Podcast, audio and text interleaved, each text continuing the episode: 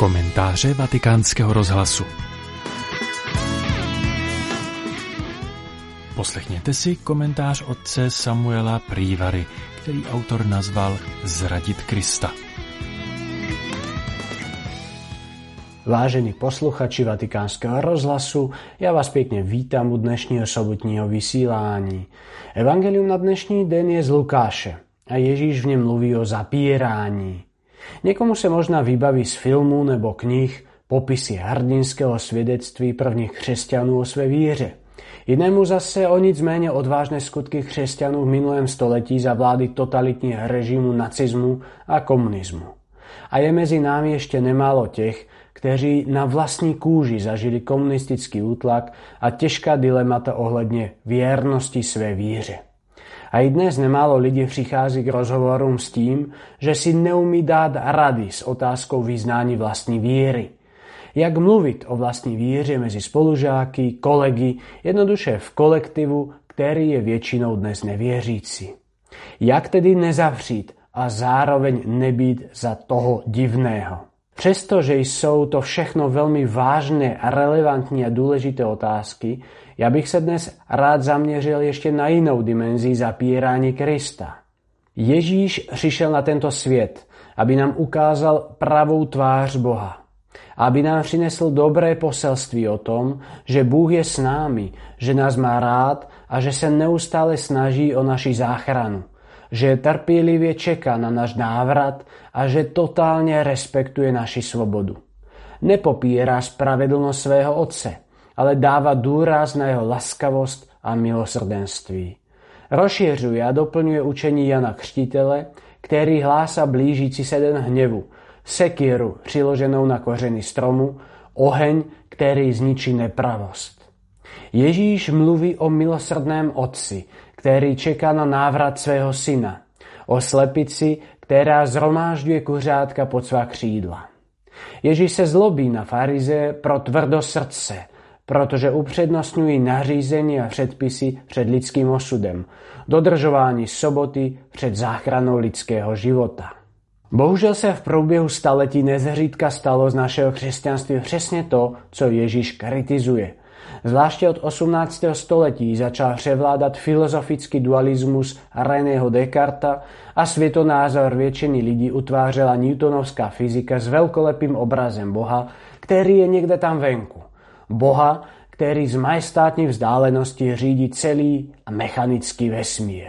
A přesto, že věda tento obraz světa dávno zavrhla, v praktickém životě mnoha křesťanů zůstaly některé postoje, ktoré z tohoto pohľadu na svet vyplývají.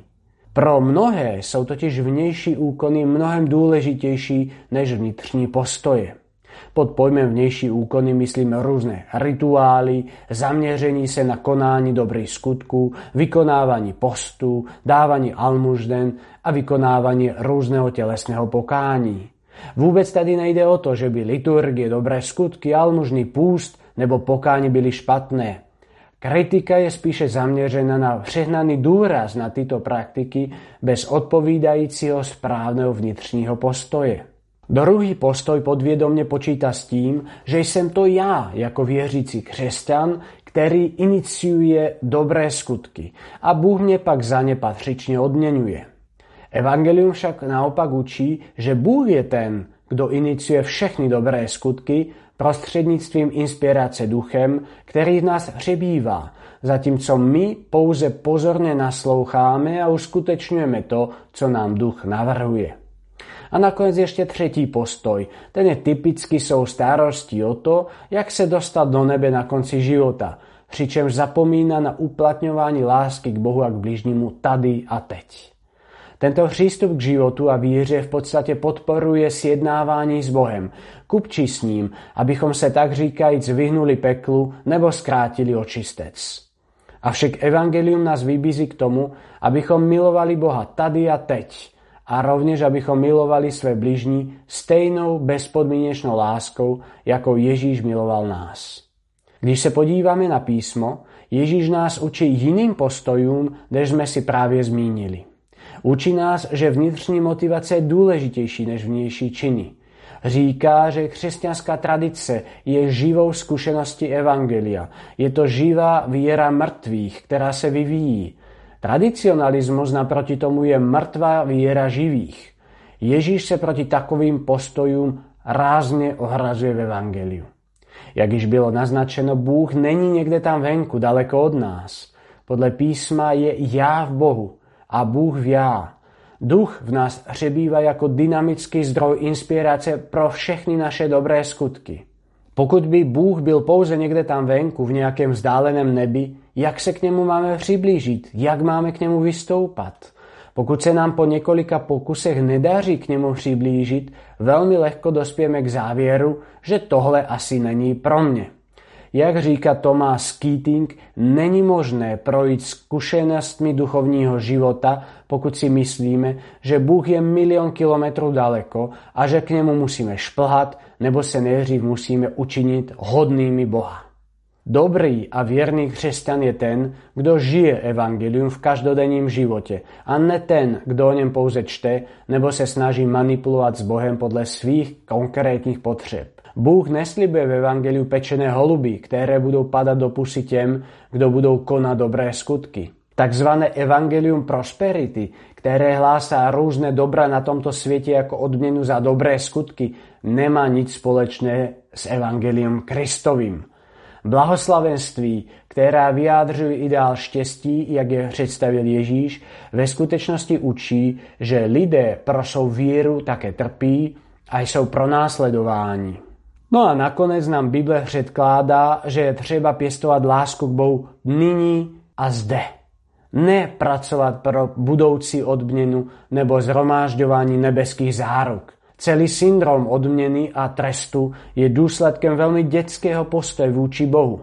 U dospělých by se však měl rozvinout vezralejší postoj, pokud je jejich náboženská výchova skutečně adekvátní. Namísto starosti o záruky pro budoucí život je třeba důvěřovat Bohu a věřit, že pokud v tomto životě děláme, co můžeme, abychom milovali Boha a sloužili blížním, Bůh se postará o naši budoucnost. Ježíš se přesně o tyto věci hádal s farizeji, když tvrdil, že jsou jako obílené hroby, zvenku krásné, nazdobené a uvnitř plné mrtvých kostí. Dovolím si tvrdit, že Krista zrazuje každý člověk, který zrazuje jeho postoje, jeho životní styl, jeho motivace a místo toho nabízí nebo dokonce vnucuje sadu předpisů, pravidel nebo nějakou formu tradicionalismu. Všem nám přeji, abychom se snažili žít křesťanství tak, jak ho chtěl Ježíš. Živé a ze zájmem o Boha a bližního. Mějte se hezky a budu se těšit zase někdy příště. Slyšeli jste komentář otce Samuela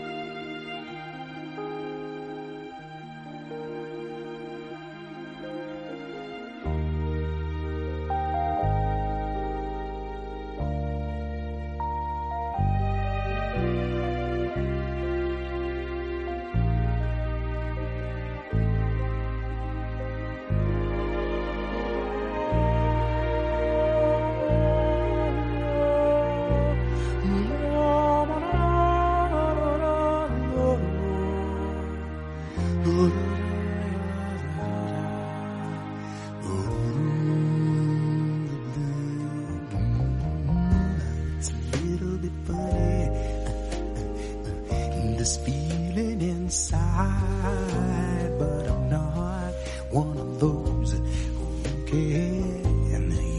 easily hide. Oh, I, well, I don't have much money, but boy, if I did, you know, I'd buy a big house where we both could live.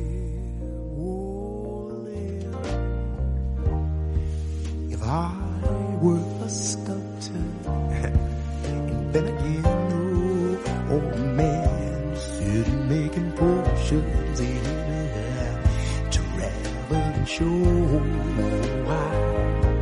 Well, I know it's not much, but girl, it's the best I can do. You see, my gift is my song, and this here one's for you, Ooh, just se